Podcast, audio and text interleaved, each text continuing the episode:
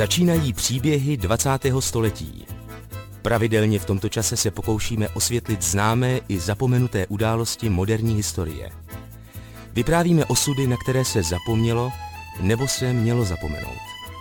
I české dějiny mají své hrdiny a zbabělce, temná období i chvíle velkých činů. Letos uplynulo 85 let od chvíle, kdy německé a italské letectvo vybombardovalo baskické město Gernika. Stalo se to 26. dubna 1937. Zemřely stovky lidí a Gernika byla předobrazem budoucích hrůz, velkých náletů na města plná civilistů. Španělská občanská válka, během níž zahynuli tisíce lidí a která je dodnes chápána jako předehra války světové, začala 17. července 1936 vzpounou v Maroku. Tehdy se převážná část španělské armády pod vedením konzervativního důstojnického sboru a zejména generála Franciska Franka vzbouřila proti republikánské vládě. Válka pak trvala více než tři roky, až do konce března 1939, kdy kapituloval republikánský Madrid. Pozdějšího diktátora Franka během konfliktu vojensky podporovalo nacistické Německo a fašistická Itálie. Republikány především komunistický sovětský svaz. Na jejich straně ale bojovali také desítky tisíc dobrovolníků z mnoha evropských zemí, mezi nimi i tři tisícovky Čechů a Slováků. Právě československé interbrigadisty uslyšíte v dnešním pořadu, kterým vás provází Adam Drda. A uslyšíte také hispanistu Josefa Forbelského, který zemřel letos v listopadu ve věku 92 let. Příběhy jsou věnovány jeho památce.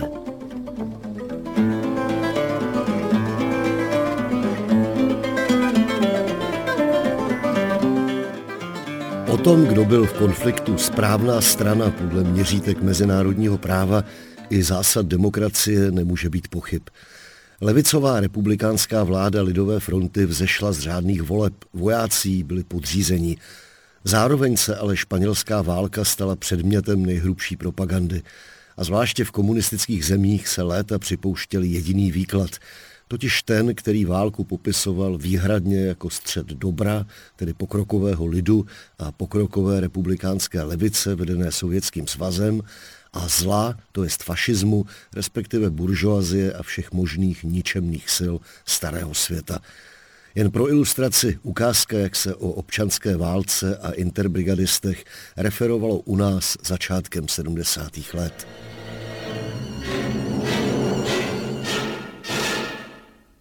Když se dozvěděla Marina Kmetková, domkářka a nádenice v Nižných vrůdkách na Slovensku, že její syn Láco položil slušnou práci v kremnické papírně a že odjel do vzdáleného neznámého Španělska a ještě k tomu do války o níž dosud ani neslyšela, tu věřila docela vážně, že její hoch přišel o rozum. Potom však došel od syna dopis, popsaný papír a dva obrázky. Byly tam vyobrazené mrtvé děti a plačící ženy před spálenými chyšemi. V dopise stálo.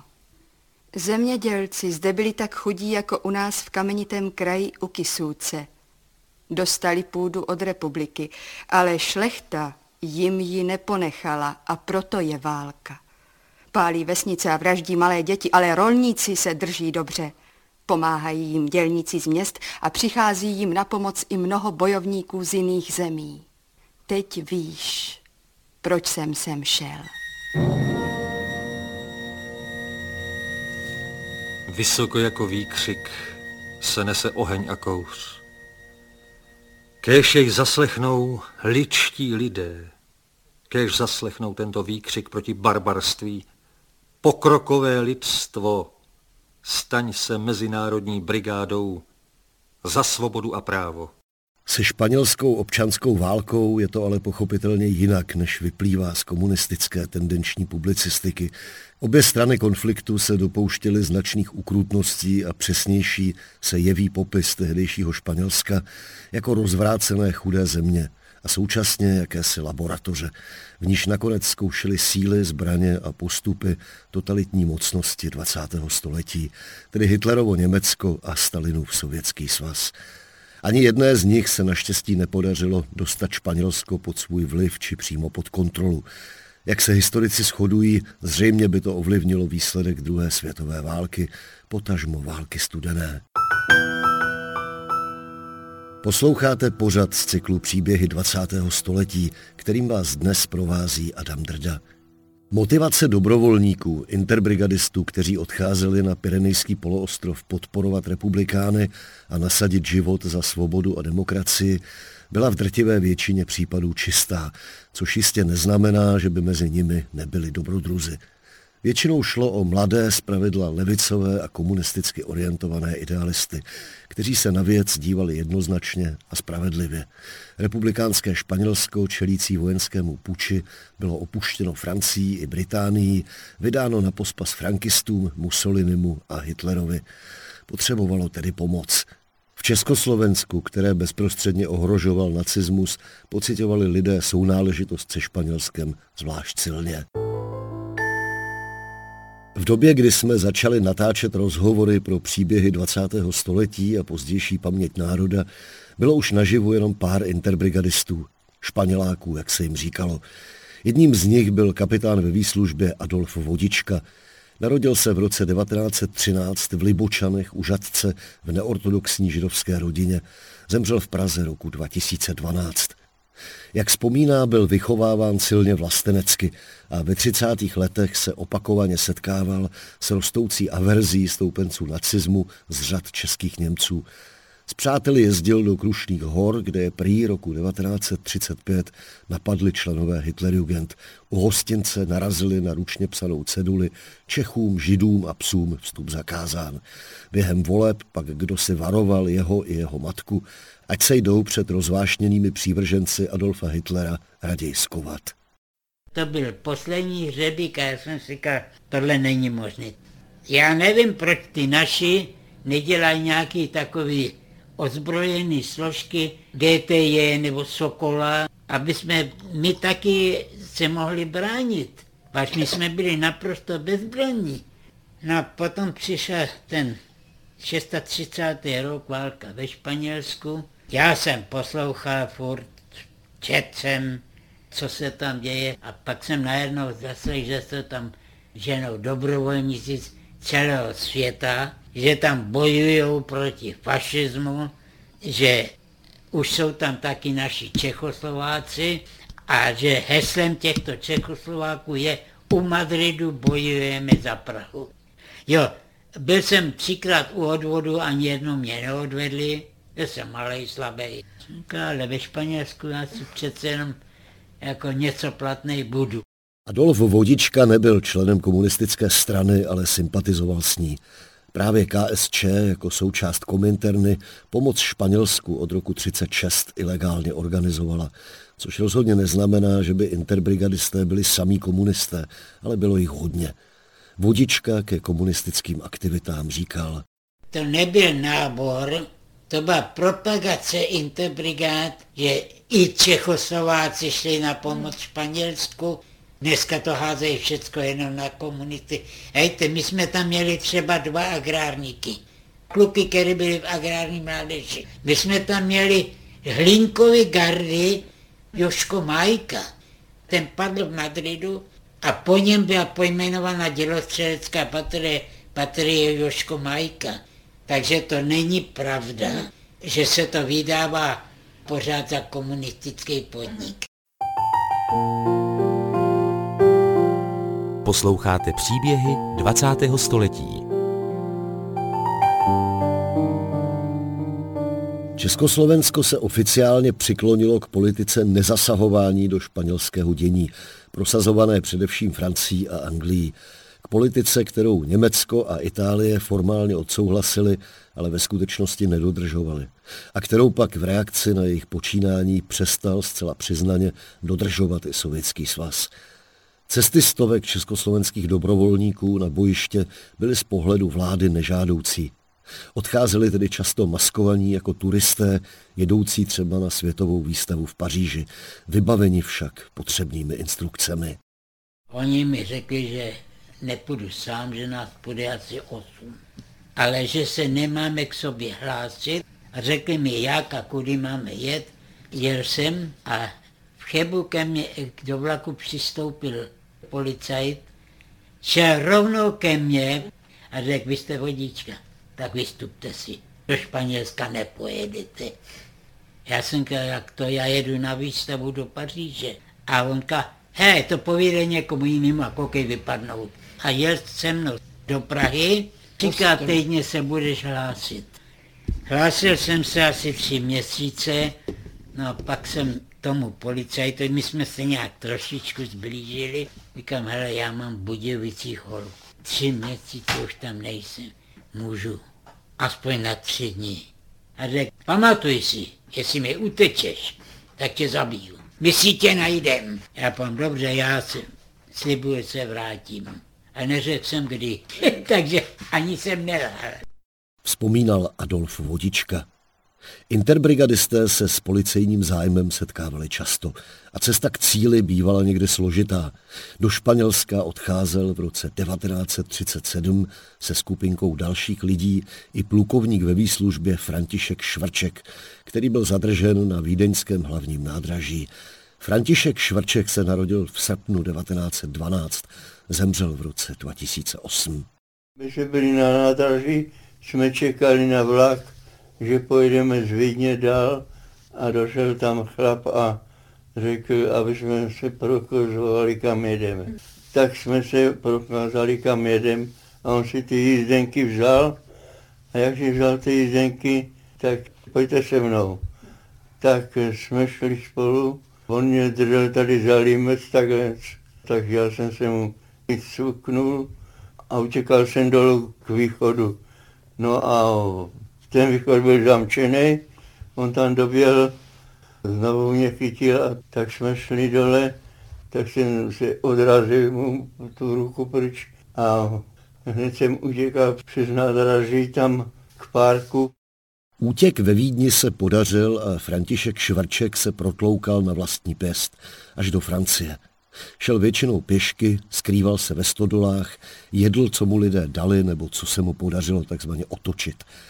Adolf Vodička vyrazil brzy po prvním neúspěchu do Španělska znovu. Vypráví, že se asi osmičlená skupina dobrovolníků snažila dodržovat instrukce od komunistů a chovat se nenápadně, ale po opuštění republiky už to skoro nebylo zapotřebí. Lidé o existenci interbrigád samozřejmě věděli.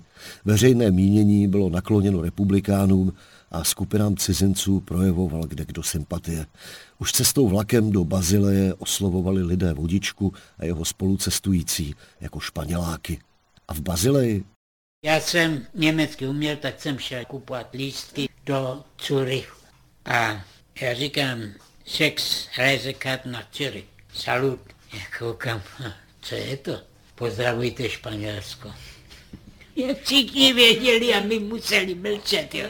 No, seděli jsme v tom vlaku, za chvíli už k nám chodili lidi a nabízeli nám nějaký ty bombony. Já nevím, oni, jestli poznali, že jsme byli jinak oblečení. No, dojeli jsme do Curychu, tam byl ve velkém sále pro nás 2000 dobrovolníků velikánské uvítání a pan starosta začal hrdinové boje proti fašismu.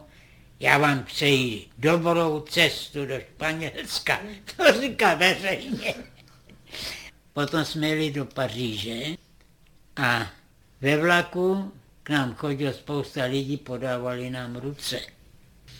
Paříži jsme vystoupili na nádraží, přišel k nám nějaký pán a říká, vemte si taxíka a on už ví, kam vás má zavést.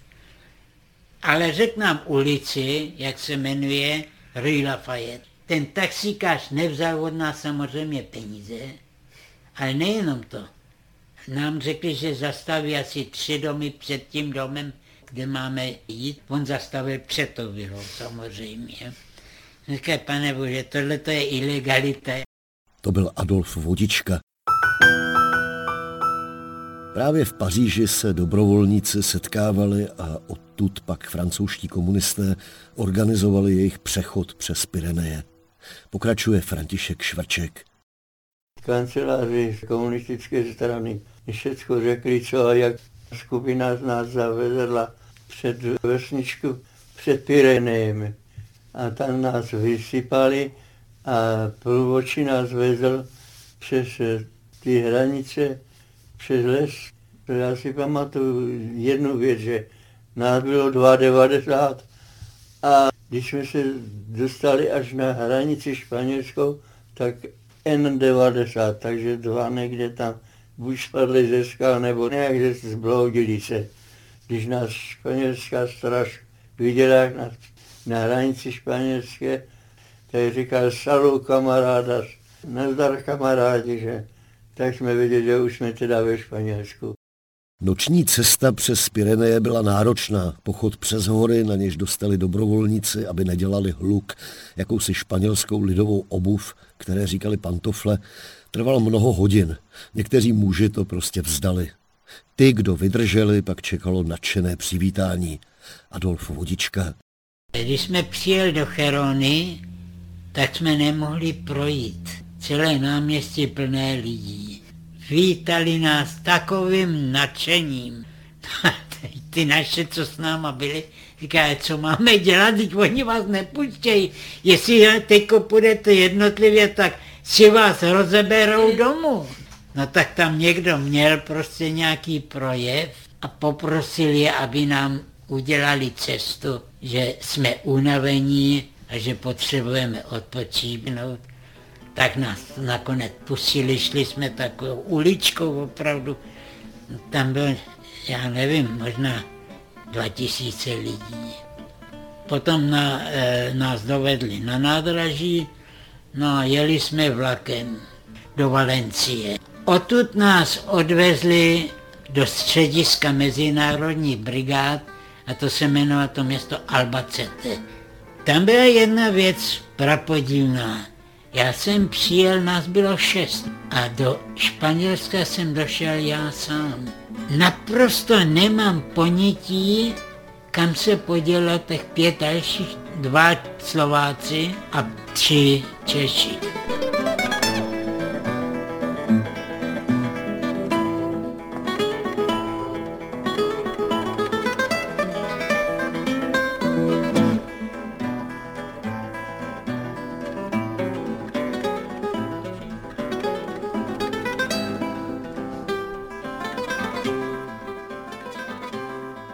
Pustíme teď československé interbrigadisty, kteří už do Španělska přicházeli v čase bojů a vraťme se o nějaký čas zpátky. Jaká byla vlastně situace před vypuknutím války? Karel Čapek v cestopise Výlet do Španěl z roku 1930 píše o Španělsku. Je to jiný kontinent, není to Evropa. A když se blížil k Madridu, připadalo mu při pohledu na Kastilii, že ta země je Afrika – podle hispanisty Josefa Forbelského musel tehdejší převážně agrární Pyrenejský poloostrov připadat každému středoevropanovi svou geografickou podobou a zejména sociální tváří silně neevropský. Ptal jsem se Josefa Forbelského, jaká byla ve Španělsku po pádu monarchie politická situace, co vedlo k vojenskému převratu, který měl původně, tedy podle plánu generality, trvat pár dní, a jak vlastně nahlížet občanskou válku Většinou se prezentuje ten konflikt jako konflikt mezi republikánským zřízením, tedy mezi demokratickým zřízením, což nepochybně bylo, protože u vlády byli lidé, kteří skutečně vzešli ze svobodných voleb a eh, mezi eh, generalitou, která udělala eh, povstání. To povstání mělo původně charakter, řekněme, povstání, jaká se ve Španělsku dělala v 19. století, to znamená, počítalo se s tím, že se svrhne vláda a nastolí se vláda vojenská. Ostatně nejde jenom o rok 36, protože už v roce 24 ve Španělsku fungovala za monarchie ještě diktatura diktatura generála Primo de Riveri. To byl tehdy důsledek krachu koloniální politiky Španělska v severní Africe, v Maroku. Tak teď eh, šlo ovšem o to v roce 36, že zvítězila ve volbách eh, Lidová fronta, Musíme počítat, že jsme tři roky potom, co v Německu se dostává k moci Hitler a že jsme také v letech, která následují po hospodářské krizi. A navíc ještě jsme v zemi, tedy na Pyrenejském polostrově, která v roce 1898 byla vyřazena definitivně z velmocenského postavení. A byla to země velice vyostřených sociálních poměrů. A e, v roce 36 tedy e, nastává situace, že zvítězila ve volbách lidová fronta, to znamená seskupení stran, které byly, e, řekněme, od středu doleva. Ale musíme tam také zahrnout i některé eh, strany, respektive tábory, které chtěly řešit eh, některé regionální, respektive národnostní problémy, jako ku příkladu katalánci anebo baskové. Tak tohle všechno vytvořilo určitý tábor, který tu zemi vrhali do prudkého sociálního pohybu. Hispanista Josef Forbelský dodával, že k sociálnímu pohybu ve Španělsku přispívaly i masivní odborářské a anarchistické organizace. Španělské anarchistické hnutí bylo nejsilnější na světě, tedy organizace, které nebyly zastoupeny ve vládě. Španělsko mělo za sebou politické krize, stávky, dlouhodobě existovalo nepřátelství mezi republikou a církví. Anarchisté vypalovali kostely, vraždili kněžstvo. Po volbách v roce 1936 postupně sílilo napětí mezi těsně vítěznou levicí na jedné a konzervativci a fašisty na druhé straně. Narůstal chaos, zvyšovala se nezaměstnanost a docházelo k politickým vraždám.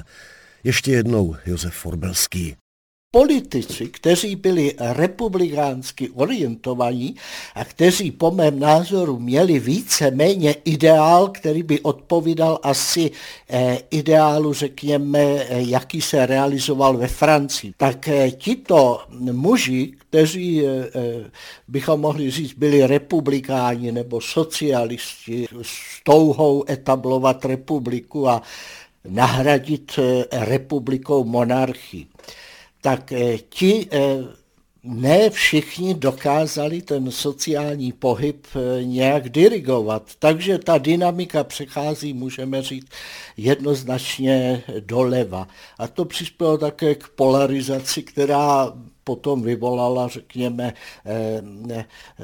zájem konzervativních sil tuto situaci nějak zvrtnout. A dochází až k tomu řešení, které je pro Pyrenejský polostrov a stejně tak jako pro Latinskou Ameriku let, kdy, nebo bývalo klasické, to znamená vstoupila do akce armáda. Říká Josef Forbelský. Vojenský převrat se připravoval delší dobu, ale nevyšel podle plánu. Povstání bylo v červenci 1936 v některých částech země i ve významných městech, například v Barceloně a v Madridu, potlačeno. Generál Francisco Franco se do čela vzbouřenců dostával postupně, poté co tragicky zahynul generál Sanjurjo, s nímž se počítalo jako s vůdcem. Hlavou státu se Franco nechal prohlásit povstalci 1. října 1936. Označovat povstalce za fašisty nebo dokonce Hitlerovu prodlouženou ruku je podle řady historiků nesmyslné. Byli to důstojníci, stoupenci vlády tvrdé ruky, nikoli demokraté. Armáda byla v jejich očích jediná síla schopná postavit zemi do latě v úvozovkách. Německo a Itálie nicméně podporovali španělské protivládní síly dlouhodobě. Oba státy měly také zájem na vítězství v spoury, už kvůli strategickému významu země. Franco se na Hitlera a Mussoliniho obrátil už na počátku konfliktu, v situaci, kdy mu chyběly lodě a letadla pro přepravu vojáků z Maroka. Ve válce pak na straně generálů působilo německé letectvo. Legie Kondor, která v dubnu 37 provedla ničivé bombardování Gerniky, specialisté Wehrmachtu, italské vojenské oddíly a dokonce i irští dobrovolníci. Republikánské straně pomáhal v první řadě Sovětský svaz. Mezinárodní brigády na pomoc republice organizovala Kominterna, ale podporovala je také demokratická levice po celém světě. Přibližně 60 tisíc interbrigadistů pocházelo z celkem 50 zemí.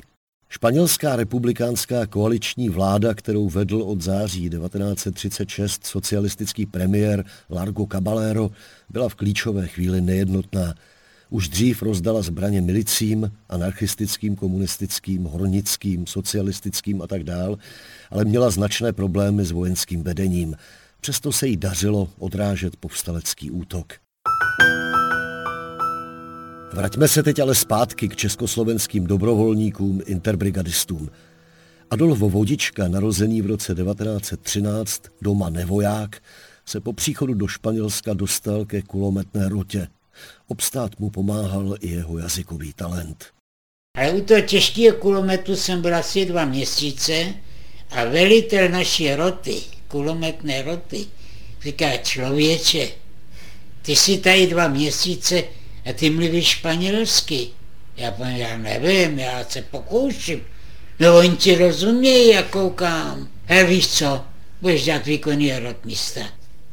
Za dva dní jsem dostal jmenování, hodnost výkonný rotmistr, funkce sekretář roty. Já jsem se musel starat o zásobu jídla, zásobu zbraně, o náboje, o dovoz a převezení na jinou frontu a tak dále. No a musím říct teda, já jsem se sám divil, že já jsem během dvou měsíců mluvil úplně plyně španělsky. Jiný z interbrigadistů, později vysoce postavený funkcionář komunistické strany Československa Bohuslav Laštovička, přijel do Španělska jako člověk s dělostřeleckým výcvikem. Začal tedy zaučovat dělostřeleckou jednotku, která dostala zastaralé zbraně. A stal se pak jejím velitelem. Pak jsme tu baterii překřtili s velkou slávou na baterii Klementa Gottwalda. Duch byl vynikající, disciplína dobrovolná na vysoké úrovni v naší baterii, výcvik procházel velmi rychle. Pak jsme dostali začátkem února sovětské kanony. A po týdenním výcviku těch sovětských kanonů jsme odjížděli na frontu. Na chrámu, kde byla v proudu fašistická ofenziva a my jsme byli první protiletadlovou baterii, která se objevila na frontě a která tedy začala také na této frontě střílet proti německým letadlům. To bylo v polovici února 1937. První naše střelba se odehrála ráno po celonočním pochodu, ještě dříve, než jsme ty kanóny rozvinuli do palebné pozice. Objevila se skupina Junkersů, které letěly velmi nízko a pokud jsme nebyli připraveni, tak prostě jsme zahájili takzvanou palbu dělovodu, každý střílel od voka, jak to šlo. Oni se rozletěli, my jsme nic netrefili, dostali jsme ovšem od sovětského instruktora, který jezdil s námi, vyjádření veliké nespokojenosti s tímto prvním vystoupením. Celý den jsme cvičili a odpoledne znovu přišel nálet.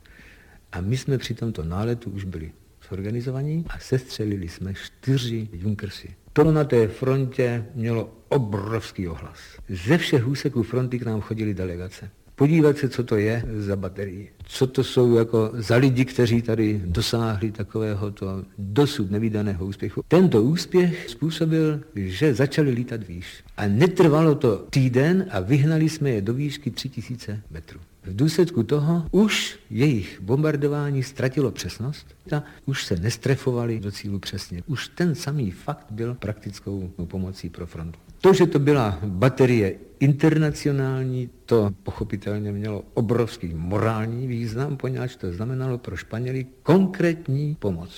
Bouslav Laštovička žil v letech 1905 až 1981. Slyšeli jste ho z archivního rozhlasového záznamu. Interbrigadisté měli výrazné vojenské úspěchy. Významně zasáhli do bojů o Madrid a bojovali také na dalších frontách. Adolf Vodička si odbil bojový křest v zimě roku 1937 ve velmi krvavé a nakonec prohrané bitvě o město Teruel. Protože jsem do Albacete došel jako jediný Čekoslovák a posílali zrovna polskou brigádu na frontu, bohužel zrovna na takovou těžký ten na Teruel. Tak mě dali Polákům, že si s nima budu rozumět, že ta polština je přece jenom dost blízká té češtině, no tak jsem šel s Poláky na frontu k tomu Teruelu. Ten Teruel jsme nedobili. Byl pro nás příliš těžký. A měli jsme tam poměrně dost velké ztráty, ale tak tam jsem dostal křest. A já můžu říct, že do dneska na tohle nezapomenu. Protože já jsem prostě počítal, kdy padnu já. Já viděl padat spousta kluků. My jsme dostali rozkaz tři čety udělat takzvaný fingovaný útok, aby ty, ty fašisti prostě viděli, že nás je tam dost. No ono to nebylo moc šťastný, až při tom fingovaném útoku bylo několik mrtvých a také raněný. Já jsem z toho vyváz. A hned jsme se zase stáhli zpátky. Potom jsme udělali na jednom konci toho města Teron, byl dost velké to město, jsme udělali útok a dobili jsme několik domů. No tam už to bylo pro nás lepší, tam jsme se zabarikadovali, tam byly zdi. No jo, jenomže asi za čtyři nebo za pět dní tam přivezli dělostřelectvo. To dělostřelectvo začalo ten dům rozstřelovat. My jsme jenom slyšeli, jak to padá. No samozřejmě jsme okamžitě museli vyklidit ten dům, ale měli jsme za domem směli zákopy, tak jsme vlezli do těch zákopů. Jen ten dům byl, jako přestalo ostřelovat, tak jsme vlezli zpátky do toho domu, vyhrabali jsme tam to zdivo, udělali jsme si díry a viděli jsme na fašisty a skutečně druhý den fašisti tam přes tuhle zřícení na nás zaútočili. Oni nevěděli, jsme v tom domě, tam jsme ne, měli zákaz střílet. No a najednou vidíme rotu fašistů a dostali jsme rozkaz, těžký kulometry jsme tam měli a z apalte. My jsme postříleli polovičku a ta druhá polovička utekla. Tak to bylo naše jediné vítězství. Potom ovšem jsme zjistili, že oni jsou značné přesile. Oni mají těžké zbraně, my jsme měli akorát kulomety a dva takový lehký kanony, tak jsme nakonec dostali příkaz ustoupit. My jsme se bránili, my jsme říkali, to ne, oni to nedobili. Podívejte se, vy budete na jiný frontě potřeba taky a tady byste všichni padli. Posloucháte příběhy 20. století. Španělská občanská válka aktivizovala významné intelektuály ve všech zemích světa. Někteří, jako třeba spisovatel George Orwell, odjeli na Pyrenejský poloostrov bojovat. Jiní se tam vydávali jako novináři a pozorovatelé. Adolf Vodička měl možnost prožít zajímavé setkání. Jak jsme ustupovali, tak jsme potkali skupinu Španělů a nesli na nosítkách na ramenou těžce raněného kluka. A potřebovali se dostat na druhou stranu Ebra a dostat to tam do nemocnice. Najednou vedle nás zastavil nějaký jeep a z toho vystoupilo šest mužů, civilně oblečený, přišli k nám, ptali se různými jazyky a řekli, jsou novináři. Byl tam Švýcar, byl tam dva Francouzi, Američan, anglický novinář. No a ptali se, odkud ustupujeme, já jsme říkali od Kaspe. Najednou ten jeden, a to potom teprve jsem se dozvěděl, že američan, pomluvil německy. Povídá, to, to jsou vaši lidi, pane, to jsou Španělé. A povídá, a ten je raněný. A teď najednou koukám, že ten německý, ten přechází do angličtiny a ten anglický novinář prohlásil, tak dva tady půjdeme s nima pěšky a tyhle ať nastoupí do našeho džípu a odvezou je do nemocnice za Ebro. No a ten francouzský novinář trošku protestoval a ten americký ho seřval, jestli chce, aby umřel. Já se toho Švýcara ptal německy, a kdo to je? To je americký spisovatel Hemingway. Vzpomínal Adolf Vodička a dodával, že voják, na jehož záchraně se Ernst Hemingway podílel, zranění přežil. Později chtěli interbrigadisté spisovateli poděkovat, ale už ho nenašli. Adolf Vodička byl později raněn a lékaři vytahali z jeho těla 16 střepin dělostřeleckého granátu. Z nemocnice se dostal krátce předtím, než byli interbrigadisté staženi z bojů. Frankisté s podporou Němců a Italů měli čím dál větší převahu. Vítězili. A Juan Negrín, který se stal po Largo Caballerovi republikánským premiérem, oznámil ve společnosti národů, že se rozhodl jako vstřícné gesto stáhnout mezinárodní brigády. Vodička říkal, že když se dostal z nemocnice, o tomto vývoji nic nevěděl. Já jsem se vrátil z nemocnice a z fronty už byly naše jednotky odvolány, jo? Už byly v týlu, v zázemí. No a já najednou slyším češtinu, no, hele, my jdeme ilegálně bojovat. Odvolali nás, já pam, co, co odvolali? Já to nevěděl. Ne, já jsem přišel z nemocnice. Onka, člověče, a to nikdo vám to neřekl. Já nevím, nikdo. No a e, tak jsem říkal, a co vy tady? He, my jsme řekli, nás nám nikdo nebude poroučet, my jsme tu dobrovolně a budeme bojovat. A koukej, 6 kilometrů odsad je Barcelona. A Barcelona je ohrožená. Máme lehký kulomet, máme flinty, jestli chceš, pro tebe taky, pojď s námi. No jsme šli v Barceloně, tam jsme ještě zaútočili, to byla taková sranda, nás tam bylo pár přesila, tak jsme ustoupili a říkají, tak je konec. A odtaď jediná možnost je do té Francie. A co bylo na tom to nejhorší, že ten boj u té Barcelony byl přesně v den mých narozenin. 26. ledna 1939.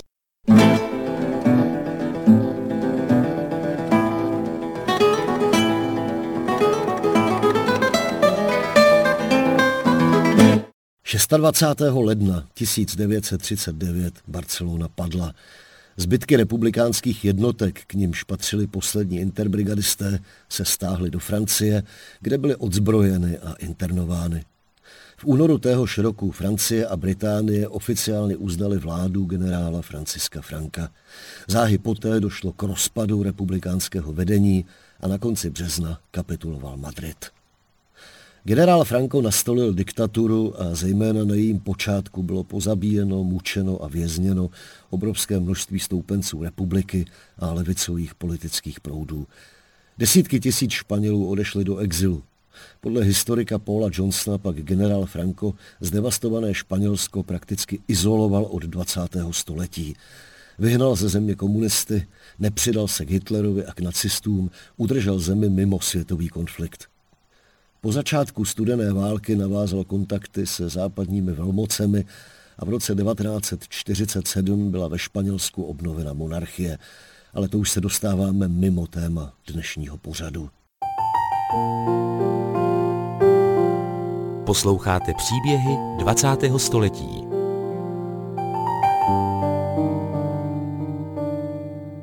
Důvody, proč Adolf Hitler i Benito Mussolini podporovali generála Franka, jsou zřejmé a dá se říct, že i všeobecně známé. Španělsko pro ně mělo za prvé strategický význam, za druhé poskytovali Frankovi, v němž viděli potenciálního spojence, pomoc na úvěr a tudíž měli zájem na jeho vítězství. Kromě toho nacisté ve Španělsku zkoušeli zbraně i vojenskou taktiku. Méně už se mluví o tom, že pomoc Sovětského svazu republikánům nebyla ani zdaleka nezištná a že v prostředí mezinárodních brigád a zejména republikánské vlády operovaly desítky sovětských poradců a sovětská tajná policie. Španělská komunistická strana neměla původně příliš velký význam, získávala ho teprve jako součást levicové koalice a především jako Stalinova prodloužená ruka. O co Josefu Stalinovi především šlo? Hispanista Josef Forbelský. Můžeme zase modelovat, že by ku příkladu Stalin prostřednictvím, řekněme, té vlastní intervence se nějak prosadil na Pyrenejském polostroji. No tak můžete popustit uh, úzdu fantazii a dovedete si představit, jak by vypadala Francie, jak by vypadala Itálie, jak by vypadal Balkán. A říkalo se, že Španělsko po Rusku carském, že je vlastně nejzralejší evropská země pro socialistickou revoluci. A uh, nepochybně ti komunisté, jako třeba Dolores Baruria nebo Jose Díaz, tak eh, ti, když čtete dnes jejich spisy, tak eh, celku je to, je to evidentní přetváření té buržoazní revoluce v tu socialistickou. Moskva získávala čím dál větší vliv na republikánskou vládu i na armádu.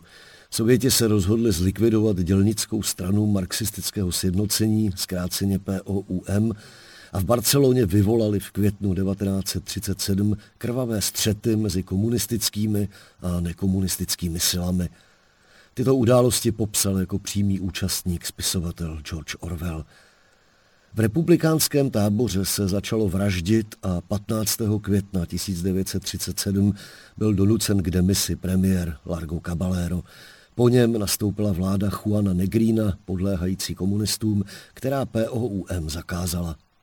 Sovětský svaz dodával republikánům zbraně, ale zatímco Franco přijímal od nacistů a fašistů pomoc na úvěr, premiér Juan Negrín zaplatil předem. Vláda se tak dostala do přímé závislosti na Moskvě. Historici Stefane Kurtová a Jean-Louis Pané píší, že po likvidaci POUM začal systematický hon na všechny trockistické a jiné zrádce. To byl citát. A konstatují také, že sovětský cíl byl následující. Komunistická strana Španělska, plně podléhající NKVD a Kominterně, měla ovládnout státní moc a podřídit jí Moskvě. Takový cíl předpokládal zavedení sovětských metod na prvním místě všudy přítomného policejního státu a likvidaci nekomunistických sil. Co se týká armády, československý dobrovolník Adolf Vodička prohlašoval, že zásahy komunistů přímo v jednotkách zažil, ale že nebyly dramatické. Oni měli politické řeči, vykládali, že bojem proti fašismu a tam se vždycky někdo, to víme taky. Ale byly tam nějaké ty zásahy a to jsme nevěděli proč. Tak jsme nemohli taky protestovat nebo nějak zasahovat. Ku příkladu někoho eh, odvolali z funkce, my jsme nevěděli proč, ale říkají jsme, jsme na vojně, odvolání patří velitelům, tak do toho zasahovat nebude. Ale musím říct, že zasahovali spíš nahoře ve štábu. U jednotek tam byla pohoda. Vzpomínal Adolf Vodička. Dochoval se ovšem dokument výkonného výboru Kominterny, v němž se píše, že je třeba očistit brigády od politicky podezřelých živlů. O let čem svědčí také názvy vojenských jednotek, pojmenovaných po komunistických politicích. Stalin se nakonec rozhodl, že ponechá španělské republikány jejich osudu. To už bylo zřejmé, že Franco válku vyhraje a navíc už se připravoval sovětsko-německý pakt. Interbrigadisté stažení ze Španělska byli po válce internováni ve Francii a pak se dostávali do Anglie, kde buď vstoupili do armády, nebo, tak jako třeba Adolf Vodička, nakonec zvolili odchod do výslužby.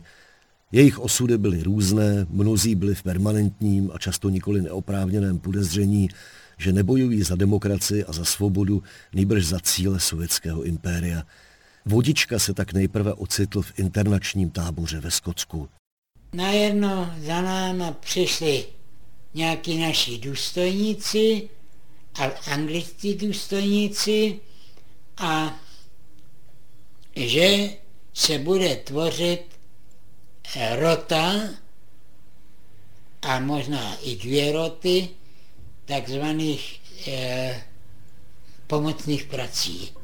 No tak jsme se tam všichni hlásili, no a najednou přijde za náma nějaký rotmistr nebo co, nějakým papírkem a četam asi takových 30 men vyvolával. Já koukám, že tam jsem taky, a aby jsme si stanou a řekl, vy do korpu nesmíte, vás tam nepustíme, vy půjdete do internačního tábora. Já jsem říkal, proč? Vy jste komunisti. To asi 10 nebo 20 kluků říká, já nejsem vůbec žádný politický straně. Ten druhý řekl, já jsem sociální demokrat, ten třetí, já jsem národní socialista, ty vole, co říká, že jsem komunista, nebo... Eh, vypojete jinam. My jsme koukali jako blází nás odvezli do Skotska, do tábora, pak jsme nějak se dozvěděli, je to tábor pro válečné zajatce. Svými dalšími kroky, jako by se Adolf Vodička rozhodl potvrdit, že komunistou je. Stal se totiž sekretářem Václava Noska, jednoho z čelných představitelů komunistické emigrace v Anglii, pozdějšího československého ministra vnitra.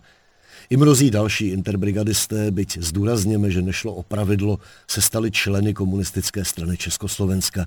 František Švrček, který mluvil v našem pořadu, byl členem komunistické strany i dlouho po listopadu 89. K takzvaným španělákům patřil Artur London, odsouzený v roce 52 v procesu se Slánským. Patřil k ním František Kriegel nebo Josef Pavel, ministr vnitra v roce 1968. Interbrigadisté často neměli dobrou pověst ani u vojáků, kteří přišli bojovat do Británie po nacistické okupaci Československa. Jeden z nich, Gustav Svoboda, vzpomínal. No, v Anglii pro nás přivítali svačinou například. Byl přistavený rychlík. Stanový tábor byl připravený, všechno fungovalo bezvadně. Jenomže se nám tam zbouřili komunisti. No evakuovalo se asi 180 komunistů, teda tvrdých komunistů španěláků který bojovali ve španělské občanské válce v interbrigádě. No a od svých ideálů neupustili. Podařilo se jim přesvědčit asi no, skoro 300 lidí, aby odmítli poslušnost. To už bylo ve stanovým táboře. A ti, co tomu uvěřili, počítali s tím, že dostanou azyl a budou odsunuti do Kanady. Ovšem se to nepovedlo prezident Beneš je zbavil československého občanství a britská vláda ji internovala. Gustav Svoboda se narodil v září 1916, zemřel roku 2006. Životy mnoha československých interbrigadistů představují paradox. Lidé, kteří odcházeli plní ideálů a odvahy bránit svobodu Španělska před nacismem a fašismem, se pak nezřídka podíleli na pohřbívání svobody ve vlastní zemi a pomáhali při budování jiné, neméně nebezpečné totality. V mnoha případech se pak sami stávali oběťmi represivního komunistického aparátu. Dokument z cyklu Příběhy 20. století, který jsme věnovali památce hispanisty Josefa Forbelského, je u konce. Provázel vás jím a za pozornost děkuje Adam Drda.